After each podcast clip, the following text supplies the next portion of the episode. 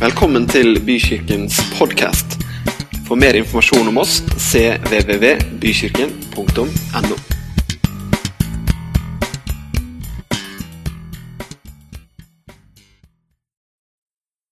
Jeg har jo gått i kirke i 30 år snart, så, så man blir litt vant til det. tenker jeg. Nesten litt sånn vaksinert for lovsang. Og det liksom tenker Gud, nå er vi her for deg, nå ønsker jeg å løfte opp hjertet mitt til deg. Eh, sammen med andre mennesker rundt meg. Det er fort gjort å ta det for gitt da, hvis du har gjort det en stund. Men, men dette året her har minna meg på at eh, det, det, vi driver med, det er ikke bare tull. Det er ikke bare følerier, det er ikke bare noe vi liksom innbiller oss er viktig. Nei, det er faktisk utrolig essensielt for oss mennesker å koble oss på Gud sammen med andre sammen med kirka vår. Så takk, Jesus, for at vi får lov til det. Takk, Herre, for at vi får samles i ditt navn. Og du skriver ikke tull når du skriver at der vi er midt, der vi er samla i ditt navn, to eller tre holder, så er du midt iblant oss. Og Herre, vi kan stole på at du er midt iblant oss akkurat nå. Gud, vi ber om at dette skal være en søndag som ikke er en vanlig søndag, men, men som vi virkelig kan få komme nærmere deg og det du har for oss, Herre. Eh, du kan endre livene våre, og det er vi så utrolig takknemlige for, fordi det trenger vi. Amen. Ok, eh, Rett før helga nå så, så, fikk jeg en mail av en, eh, en, kunde. og så På slutten av mailen så sto det 'med ønske om en god helg'.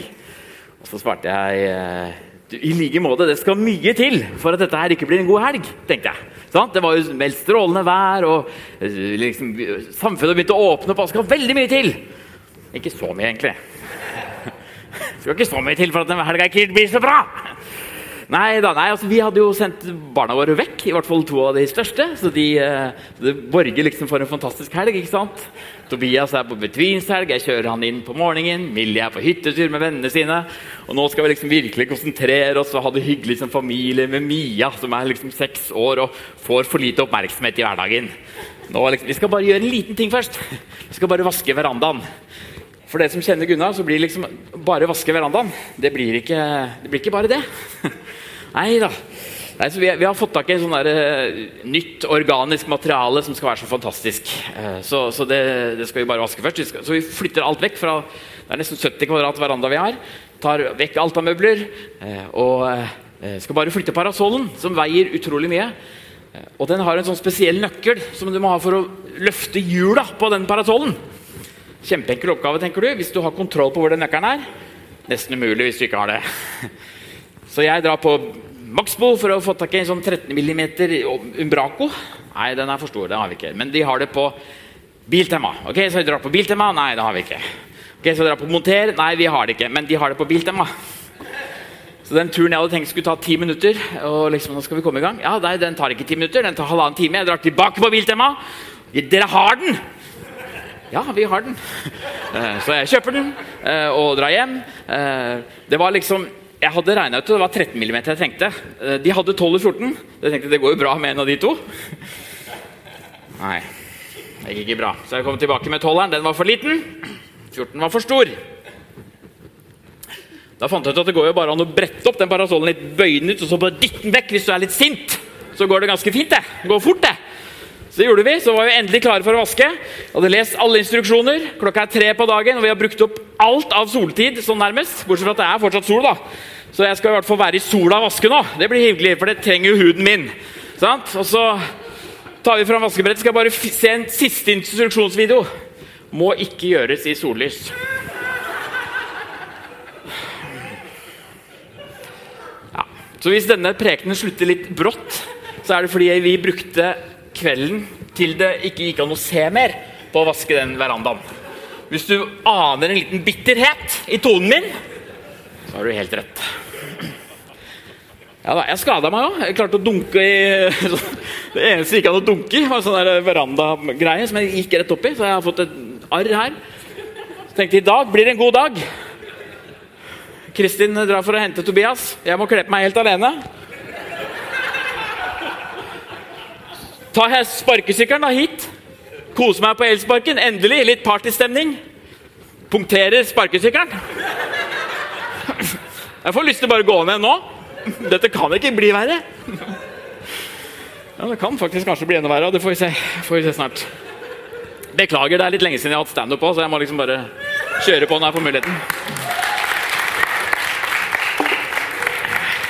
Ok, Året er 1999. Og jeg er 19 år gammel og skal ut og erobre verden.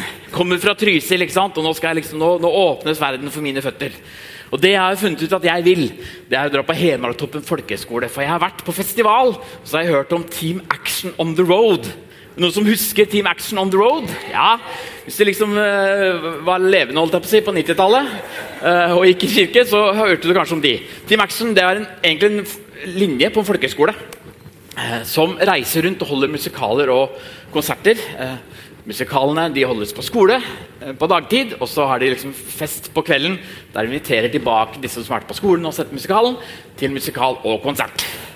Det virka så gøy, tenkte jeg. Så dette her har jeg lyst til å være med på, så jeg drar på audition. Og så kommer jeg til Musikkhuset i, på Hedmarktoppen. Og der møter jeg faktisk Kenneth for aller første gang. Kenneth som sitter her og spiller piano, og som er min svoger. Veldig fornøyd med det. Eh, så der skal jeg ha audition. Og så, har vi audition, og så eh, så sier han liksom en bisetning jeg spiller egentlig trommer. Å ja, spiller egentlig trommer? Ble litt nervøs for det, fordi han spilte jo piano. Dere har jo hørt han spille piano, det er ikke så verst. Så jeg kjente ok, dette blir spennende. Men jeg kom inn da på Team Action.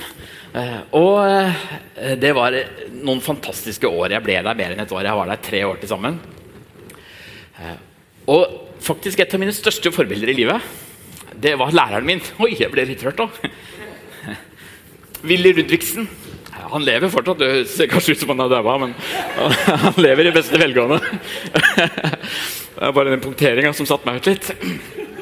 Uh, Willy Ludvigsen han er et av mine største forbilder. Uh, og uh, Han var helt rå på å lage en gjeng som skulle gjøre noe sammen. Så I tre måneder så trenes vi opp. Vi øver på låter. Vi holder på. Det jeg ble litt overraska over, da, for jeg trodde jeg skulle være trommeslager. Jeg var jo så naiv og enkel og tenkte at jeg er trommis, så det, det, er, det, er, mitt område. Men første kvelden så skal vi rigge. Vi skal rigge opp en svær sånn lysrigg og scene. Og liksom, Hæ? Det var jo veldig rart. tenkte jeg. Det må jo være en egen gjeng som gjør det. Skal jeg være med på det? Ok, vi blir med denne ene gangen, liksom. Nei, det skulle vi gjøre 160 ganger til i året. Vi rigga mer enn vi spilte, da. Eh, fordi vi var overalt i hele Norge, hadde masse konserter. Og eh, jeg fikk med en gang kjenne litt på at ok, er det eh, Jeg trodde jeg skulle være trommis. Det var liksom det som var greia. Dag tre da er det danseøvelse for Gunnar Bekkevold. Det er utrolig mange mennesker som har sett meg danse. Håper ingen av dere har gjort det. Uh, ja da, Vi skulle danse opp på denne musikalen. Jeg skulle ikke spille tromme på musikalen. Der skulle jeg være skuespiller og danser. Det var jeg ikke helt klar over. Ok, Så dette livet her det er fantastisk. Vi reiser rundt, har som sagt 160-170 forestillinger i løpet av et år. Har mange hundre reisedøgn. Uh, og det er helt nydelig. Men det er én, en sånn etter vi er ferdig-hendelse uh, som sitter igjen hos meg. og det er faktisk herfra, fra Nøtterøy kulturhus. Der har vi hatt forestilling på dagtid. Musikal. Har hatt mange folk innom. Eh, og så har vi pakka ned alt sammen. Rydda, vaska. Eh, og så når vi er ferdig, så sier Willy at i dag har jeg fått en tilbakemelding jeg vil du skal huske. For i dag så sa vaskepersonellet at det er første gang de noensinne har hatt noen i huset sitt, og så går det igjen, og så er det ryddigere enn da de kom. Og det vil jeg du skal huske, sa han. Så jeg har glemt ganske mange av de andre tingene. Glemt mange av de andre tilbakemeldingene etter konsert eller etter musikal. eller at vi liksom har gjort det bra. Og det var viktig og gjøre det bra. Vi øvde og skulle gjøre det beste vi kunne. Men det var enda viktigere hvordan vi oppførte oss, og hvordan vi eh, behandla de vi møtte, og de stedene vi var på. Skal vi lese dagens tekst. Det er fra Johannes evangelium, eh, kapittel 13.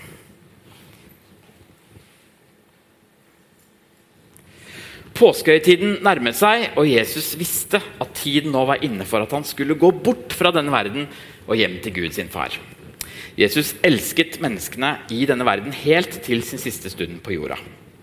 Da Jesus og disiplene denne gangen spiste påskemåltidet sammen, hadde Judas Iskariot allerede bestemt seg for å angi Jesus. Den tanken hadde djevelen gitt ham. Jesus visste at Gud hadde lagt, skal vi se, eh, lagt oppdraget i hans hender. Han var kommet fra Gud og skulle gå tilbake til Gud. Det var jeg, eh, jo, Ja, det er her det gikk litt fort, da. Nå begynte jeg å Ja, det er det jeg hadde tenkt. Jeg hadde tenkt å av, av Jeg hadde tenkt å stoppe opp i det jeg leser, og så hadde jeg tenkt å snakke underveis. det ble veldig vanskelig for meg de notatene å skjønne nå. For, etter hvert så var jeg plutselig ikke på Bibelen lenger. Jeg begynte å lese fra notatene. Er det riktig? Har jeg forstått det riktig nå? så fint, da. Ok. Så Jesus visste hvilket oppdrag han hadde kommet for å gjøre. ikke sant? Han var helt fullstendig klar over det. Og han visste også at nå skal jeg snart dra. Dette er noen av de siste dagene jeg har med disiplene mine. Og, eh, og det er et eller annet med den Jeg bare lurer på hvordan han hadde det akkurat da. Fordi når du, når du liksom nærmer deg slutten på noe, så er det, da, da lukker du et kapittel. ikke sant? Da er det liksom for sent. For meg nå så har jeg, jeg har barn som er 12 eh, og 13 år gamle, eh, og 6. da. Eh, og det er noen år igjen til de skal flytte ut. Men jeg lurer på om Jesus hadde det litt sånn. Som når, barna skal flytte ut. Har de fått med seg alt nå? liksom? Husker de alt de skal gjøre? Vet de alt som skal skje framover? Har de liksom fått oppdragelsen de trenger for å tåle livet? Bli sendt ut alene? Jeg tror Jesus hadde det litt sånn da. Hva er det liksom som mangler? Hva er det jeg kan gjøre nå for at folk virkelig skal huske hva som er det aller, aller viktigste. Hva disse menneskene skal gjøre på egen hånd.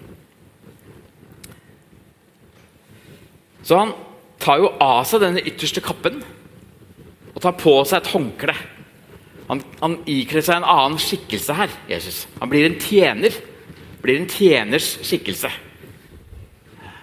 Og Dette her reagerer jo disse folka ganske sterkt på, særlig Peter. da. For Da han kom til Simon Peter, sa han til Jesus, 'Herre, det kan ikke være riktig at du skal vaske føttene mine.' Jesus sa til ham, 'Det jeg gjør, forstår du ikke nå, men du kommer til å forstå det senere.' Men Peter protesterte. 'Aldri i evighet om du skal vaske føttene mine.' Men da svarte Jesus, 'Hvis ikke jeg får vaske føttene dine, kan jeg ikke ha noe med deg å gjøre.' Simon Peter angra seg og sa, 'Herre, du skal ikke bare vaske føttene mine, men vask også hendene mine og hodet mitt.' Jesus svarte det er ikke nødvendig, for de som er rene, trenger egentlig bare å få vasket føttene sine. Dere er rene. Det vil si, det gjelder ikke dere alle. For Jesus visste hvem som skulle forråde ham. Det var derfor han sa at ikke alle var rene. Da Jesus var ferdig med å vaske føttene, kledde han på seg igjen og satte seg til bords. Så spurte han dem, forstår dere hvorfor jeg gjør dette? Dere sier at jeg er deres mester og herre. Hvis jeg som er deres herre og mester, har vasket føttene deres, da er det også deres plikt å vaske føttene til hverandre. Nå har jeg gitt dere et eksempel på hva slags holdning dere blir vise overfor hverandre. Hvis dere bare kunne forstått dette Dere bør være villige til å strekke dere langt for hverandre. En tjener står ikke over sin herre, og en utsending står ikke over han som har sendt ham. Velsignet er den som forstår dette, og som gjør etter dette. Fikk vi fullført det vi skulle lese i dag òg? Det var ikke verst. Egentlig så heter altså, vi, følger jo en bok eh, for tida som vi nærmer oss slutten på. 100 dager med Jesus, og, og det, Denne uka handler om tjenestens manifest. Jeg syns ordet manifest har blitt eh, litt ødelagt, besudla av en fyr for noen år siden. Eh, så jeg tenkte heller å kalle dette for 'tjener i eget hus'. For det er også litt sånn der spennende og litt sånn motstridende. At man skal være tjener i sitt eget hus, men det er samtidig ganske vanlig for oss. er det ikke det? Vi som sitter her, de fleste av oss, færreste av oss har tjenere. Eh, og, og, det at eh, vi, vi, faktisk må tjene eh, folk som kommer til oss, det er egentlig litt sånn, litt sånn implisitt hos oss. Men samtidig så stikker det litt noen ganger. Jeg har en bikkje. Og når jeg går tur med han, så tenker jeg fortsatt Hvorfor i all verden skal jeg plukke opp dritten din? Altså, Er jeg tjeneren din, liksom? Den der lille fislehunden? Skal liksom, så skal jeg plukke opp dritten hans? Ja, jeg må gjøre det, da. Så jeg liksom, jeg, jeg er liksom tjeneren til hunden min, har jeg funnet ut. Det er litt deprimerende. Kanskje jeg er litt sånn feil person til å snakke om det her? Om, om det å tjene? Ja, det, det, virker sånn.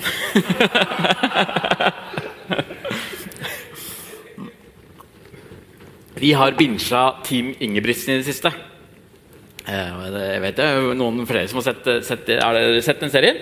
Det er disse barna som er helt rå på å løpe. ikke sant? Og så har du trener som er mer trener enn pappa. Eh, Gjert han er helt åpen på det, at han er først trener, så pappa. Men eh, før EM eh, for et par år siden, når Jakob eh, skal løpe sitt første EM, senior-EM, så er Gjert utrolig nervøs. Da skinner det gjennom. også. Det var egentlig dette skal liksom liksom tilbake til når, når Jesus skal sende ut disiplene sine. Den følelsen av at nå er det snart for sent. Nå må det skje noe. liksom. Nå må jeg fortelle noe om hva som kan komme. Eh, Så jeg, jeg siterer Dette er rett før starten. nesten. Altså. Er liksom, løperne er på ett sted, og så er Gjert på et annet sted. Og så roper han til, Gjert, til Jakob, liksom. Nå må du huske på å ikke gjøre noe dumt, da, Jakob. Ikke bland deg opp i noe tull. Ikke skubb langs linja. Ikke skjær over på kryss og tvers. Ikke bruk krefter, og ikke løp i hykk og napp. Gjert ble kanskje litt sånn desperat rett før. liksom. Bare husk på dette her. Det er selvfølgelig ting i verden for Jakob, men vi må kaste det ut. Og vi er jo litt sånn, liksom, Det som er viktig for oss, det må vi bare liksom få ut nå. Selv om vi vet at den som tar imot, eh, ikke er helt klar for det akkurat nå.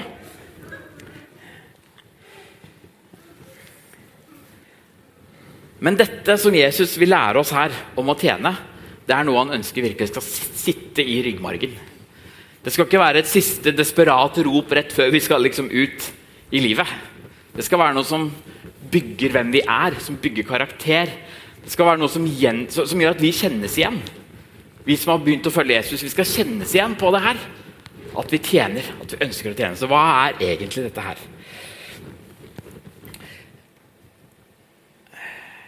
For, for Peter blir så overraska. Dette er så raust for han. At han liksom, han bare fortrenger helt. Nei, dette her kan jo bare ikke skje. At Jesus skal liksom fornedre seg for meg. Det er helt uaktuelt. Han, liksom, han steiler. Et, det, det er noe i dette her som jeg tror ikke gjelder bare Peter. Jeg tror vi kan steile litt alle sammen i møte med Jesus. Fordi vi skal jo liksom klare oss sjøl. Vi har vårt eget hus, og det skal vi klare å ta vare på på egen hånd.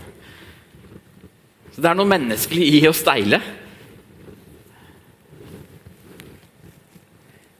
At liksom, for, for det var nemlig de lavest rangerte slavene på den tida som kunne vaske føttene på folk. Det var de som hadde den jobben. Det var jo ikke Herren. Det var jo ikke Guds sønn som skulle gjøre dette her.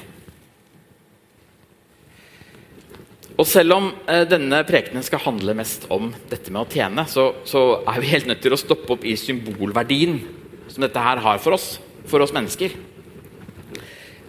Det var ikke noe tilfeldighet at Jesus gjorde det her. Kristin og meg vi har én ting til felles som både er en sånn forbannelse og velsignelse. Det er at Hvis vi holder på i huset med et eller annet, f.eks. finner en skrutrekker og skal skru opp et eller annet, eller vi kjøper noe nytt og får emballasje, så, så blir det ofte litt sånn Skrutrekker ferdig. Der, der er skrutrekkeren, så går vi. Det fører til et ganske rotete hus. Eh, ja, det var dumt at jeg sa det. Det var veldig stille når jeg snakka om det her. Var det sånn, en sånn tabu, tabu å snakke om i 2020 at man har hjelp? Jeg har et rotete hus hjemme, liksom? Er det bare oss som har det? Men vi har i hvert fall litt rotete hus, da. Hvis ikke vi skjerper oss, og det gjør vi av og til. Men det som er litt fascinerende, er at du og, og, og ingen av oss vil ha det rotete, det bare blir rotete. Og så er det ingen av oss som kan skylde på hverandre heller, fordi vi er begge ganske rotete. Så, så det er derfor det er en forbannelse og velsignelse. For hvis en av oss hadde vært sånn Jeg må ha det ryddig hele tida så er det ikke sikkert det har gått så bra. Men vi tåler dette her. liksom, vi lever i det her. Men det som skjer noen ganger når vi rydder, da, er at vi, vi syns vi har gjort det ganske ryddig og fint. Sånn f.eks. før en life-gruppe. da, sånn hypotetisk. Eh, og så kommer det kanskje noen fra life-gruppa og sier å, så dere går for sånn åpen løsning her på kjøkkenet. Der alt er lett tilgjengelig. Ja, det, det, har, det har vi gjort. det har vi gjort. Det er ikke alltid vi ser hvor skittent det er rundt oss. Det er ikke alltid vi ser at vi trenger å vaskes. Det er ikke alltid vi ser at disse beina er, er klare for en vask. Og, og, og, det er utrolig menneskelig.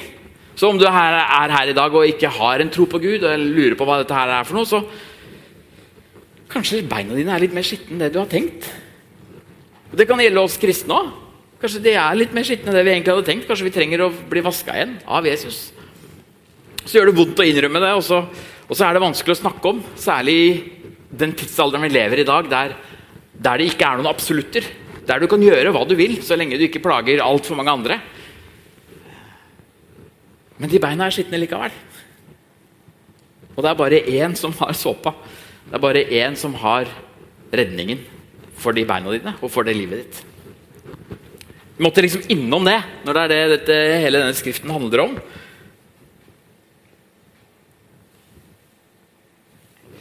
For Jesus svarer Peter, og så sier han og dette svaret er veldig tydelig at dette handler ikke bare om denne skarve fotvasken. For han stiller et ultimatum. Hvis ikke jeg får gjøre det, så kan jeg ikke ha noe mer med deg å gjøre. Jesus må vaske oss rene for at vi kan være sammen. Og Temaet her i dag handler om tjeneste, men, men vi må bare ha dette med oss. da. Hvor viktig det er. Og Det er ikke sånn at du trenger å forstå det noen gang. Det sier jo Jesus også til Peter. Dette forstår du ikke nå. Senere vil du forstå det. Men nå forstår du ikke helt hva dette her betyr. Det å bli vaska ren av Jesus. For Jesus går jo enda lenger enn noen få dager seinere, der han dør for hele menneskeheten. Der han virkelig vasker menneskeheten ren. Det er fint, det.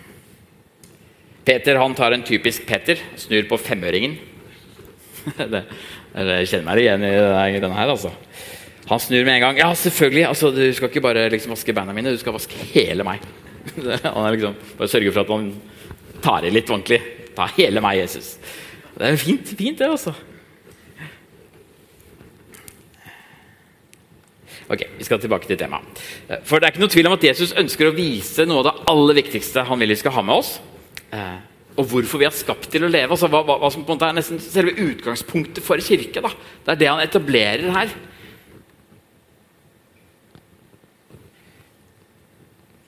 Han vil at vi skal være tjenere for hverandre. I boka så er forfatteren eh, altså Nå snakker jeg om Niklas Pienso i denne 100 dager om Jesus-boka. Eh, 100 dager med Jesus.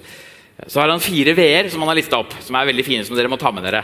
Som dere får introdusert nå i uka som kommer. Og jeg, jeg, skal ikke gå så dypt inn på de, fordi de kan dere lese om selv. Men det handler om å være voksen i forhold til dette med å være en tjener. Det handler om å være vanlig. Så handler det om å være eh, vennlig og varm. Det er veldig fine, fine v-er. Fire fine v-er. Men jeg har lyst til å bare introdusere to andre ting som jeg tenkte på da jeg eh, skulle se nærmere på den teksten her. Og Det ene er at dette med å være en tjener, det er fullstendig selvvalgt. Det må velges. Jesus valgte dette her helt på egen hånd. Det var ingen som sa at han skulle gjøre det. Det var ingen som tvingte han til det. Eh, det var ikke noe annet enn at han ville gjøre det. rett og slett. Han ville være en tjener. Han ville vise at han skulle være det. Hvis du blir satt til å være en tjener, så er du en slave. Blir du betalt for å være en tjener, så er du en ansatt. Vi må velge det. Og det er veldig fort gjort i vår sammenheng å liksom tenke at dette blir en, enda en greie vi skal gjøre. Vi skal være tjenere. Eh, ja, vi skal være det, men, men, men det må faktisk være selvvalgt. Man må ha lyst til å være det. Man må ha lyst til å til å, til å gjøre det. Når vi har oppgaver som skal løses her i kirka, så heter ikke det arbeidsoppgaver i kirka. Det heter at du skal gå inn i en tjeneste i kirka. For det er fort gjort å tenke at det handler om eh, hva man gjør. Så hvis du har en tjeneste i kirka som heter folk, da, så er oppgaven din å, å, ta imot folk i døra. Ja, det er oppgaven, men det er jo ikke det som er tjenesten din. Tjenesten din er jo å sørge for at mennesker som kommer hit, skal føle seg sett skal bli ivaretatt, eh, skal ha noen å snakke med. Eh, og, og, og, Det er derfor tjeneste er så viktig. Fordi ordet tjeneste det sier mye mer enn å liste opp arbeidsoppgaver. Ordet tjeneste og det å være en tjener det sier så mye mer om holdningene våre enn det vi faktisk gjør. Og jeg, dette kan man kjenne igjen ganske mange steder eh, sånn i hverdagen. Så hvis du går til en butikk, for eksempel, og du møter en butikkansatt som er ansatt for å være der for å hjelpe deg, men som egentlig ikke har så lyst til å hjelpe deg. Merkes ganske godt. Vi har vært her alle sammen. At uh, her, her, er det pengene som gjør at denne personen er på andre sida. Han har egentlig ikke tenkt å hjelpe deg. Det merkes så godt på oss mennesker når vi ikke gjør dette fordi vi vil, men fordi vi må. Og Det er altså noe vi må ta med oss inn i hele livet vårt da, som, som troende. At Jeg tror ikke fordi jeg bare fordi jeg må tro. Jeg vil jo tro. Jeg vil jo tjene. Jeg vil jo faktisk at livet mitt skal være noe større enn meg sjøl. Det er selvvalgt. Jeg har valgt dette livet sjøl.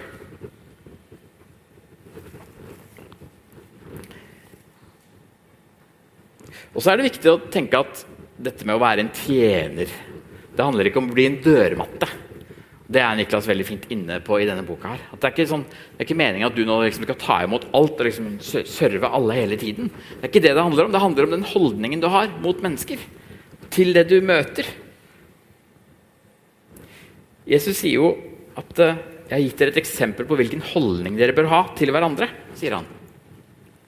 Nå har jeg gitt dere et eksempel på hvilken holdning dere bør ha. Når den største blant oss alle kan bli den laveste valgfritt. For å vise kjærlighet, for å vise at det handler om andre enn meg sjøl, så er det noe vi virkelig eh, må ta til oss. Det er et utrolig sterkt bilde. Og igjen, Det handler ikke om selve handlingen. Se, se hvor viktig det er gjennom Bibelen at Gud ser til hjertet. Han snakker om å være en glad giver. Ikke bare å gi bort pengene dine, men du skal være en glad giver.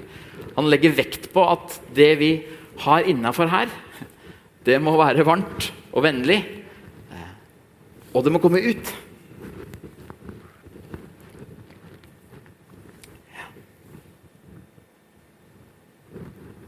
Så på Team Action så handla det om at vi skulle ha et så bra show som mulig. Ja, det gjorde det. Det handla om at vi skulle levere det beste vi kunne med den energien vi skulle ha hver eneste gang. Eh, ikke fordi showet i seg sjøl skulle være så bra, men fordi vi ønska å nå ut med et veldig viktig budskap. Eh, på eh, musikalene på dagtid så handla det om holdninger til livet. Å ta ansvar for sitt eget liv og ikke bare bli med på det andre bestemmer på vegne av deg. Og så inviterte vi da disse elevene til å komme tilbake igjen, gjerne i en menighet på kveldene, der vi i tillegg hadde et budskap om hvem Jesus er. Og ja, altså, Jeg kan jo bruke ordet forme, men, men, men det, dette har vært det viktigste jeg har lært om, i livet, mener jeg. Så vet jeg ikke om hvor mye det har forma meg, for det liksom sier noe om hvem jeg er. og Det er ikke så viktig, men uh, det er masse annet jeg kunne gjort annerledes. Men, men, men selve intensjonen til Willy da, var at vi skulle skjønne at vi jobber sammen om dette her. Uh, at vi er sammen hele veien. Willy var ikke en fyr som uh, han, han, var lederen, han var læreren. Han kunne, gjort, han kunne sikkert ha ordna seg en hotellovernatting for denne saks skyld. Det var selvfølgelig for han å ikke gjøre det. Han var, han var den som jobba hardest under rigginga. Han var den som lå på feltsenga ved siden av oss. Eller ikke feltseng engang, det var å overdrive voldsomt. Det var ikke feltseng, det var en kjempesmalt, tynt liggeunderlag. Det var ikke snakk for han om å gjøre noe annet enn det vi gjorde. For han skjønte betydningen av eksempelet. Eksempelets makt. Og så husker jeg liksom tilbake på det, så kan jeg tenke at ja, det var fint Det var fint at han gjorde det. Eh, det, var, det, var, opplevelsen min der og da. Men når jeg, når jeg nå liksom har 20 år imellom, så ser jeg at det var ikke noe selvfølge i det hele tatt at han gjorde det sånn. Det var ikke noe selvfølge at, uh, at han levde på, på, samme kår som oss. At han jobba lengst. Etter å ha vært ferdig med å rigge i to timer, så satte han seg inn i bussen og kjørte den bussen på natta til neste sted. Det er ikke noe selvfølge, det.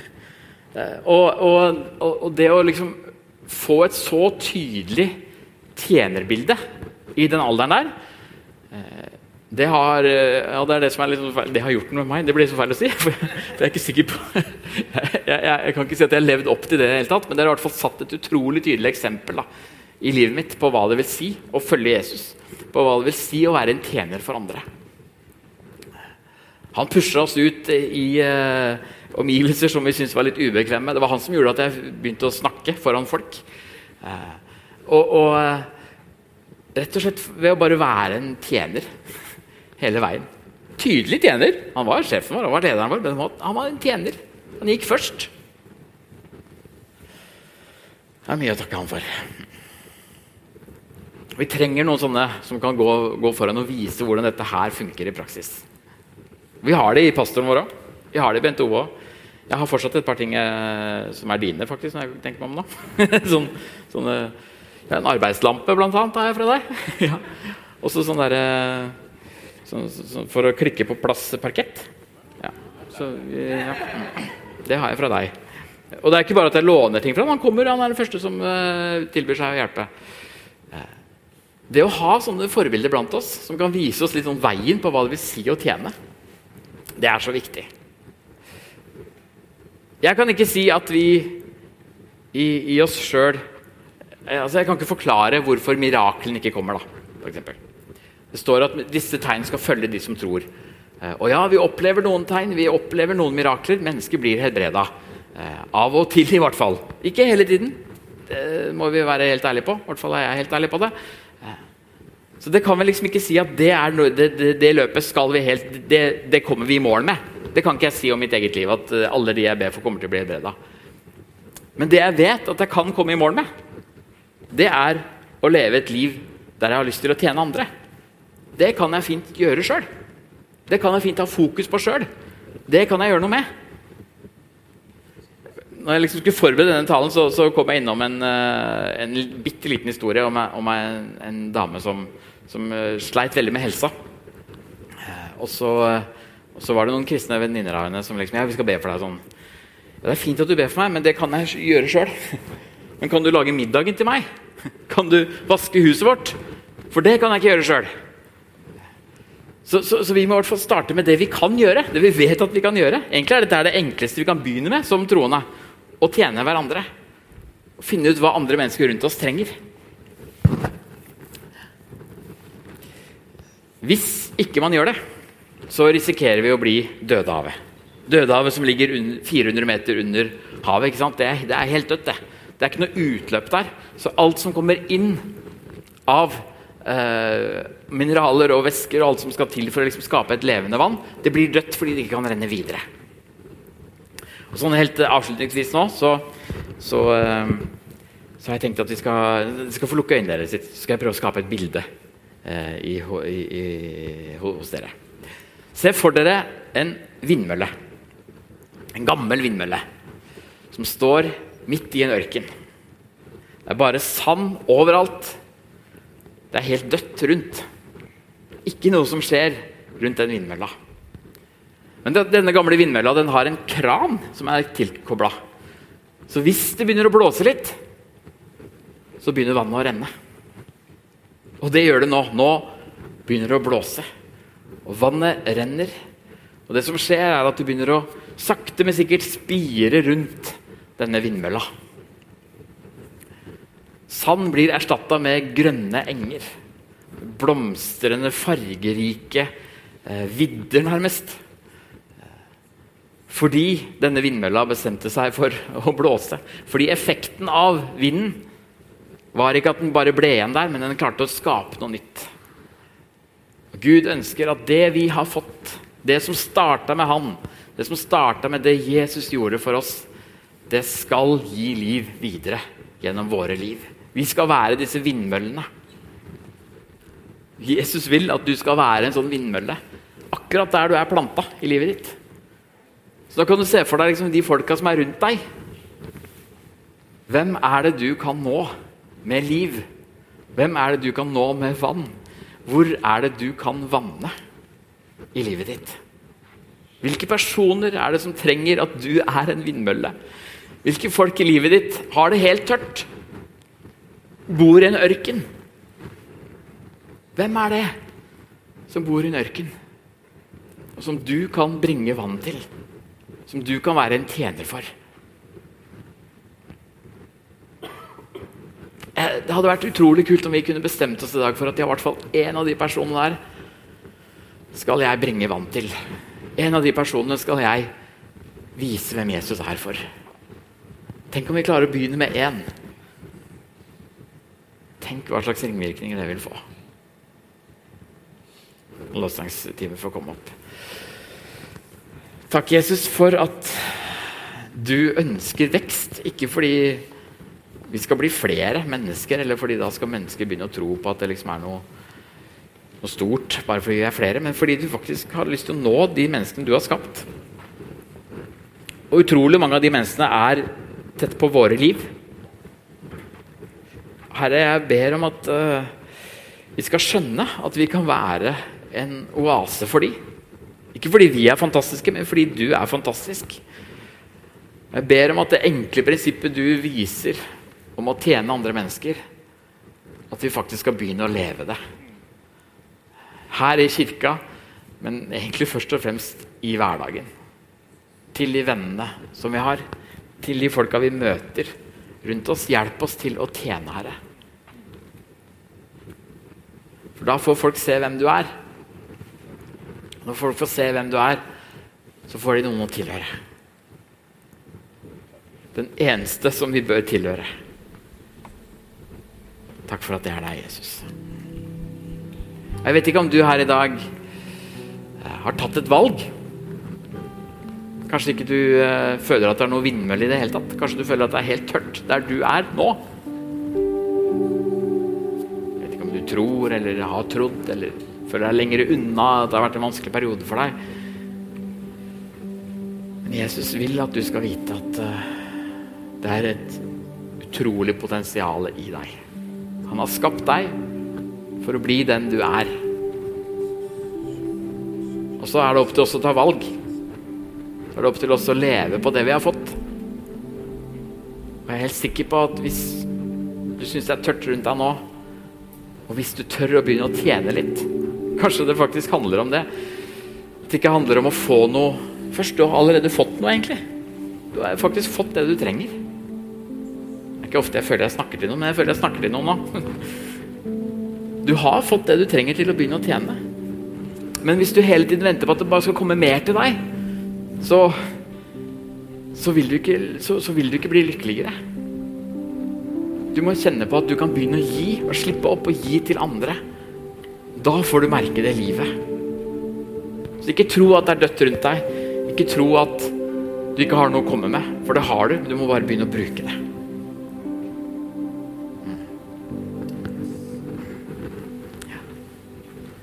Amen.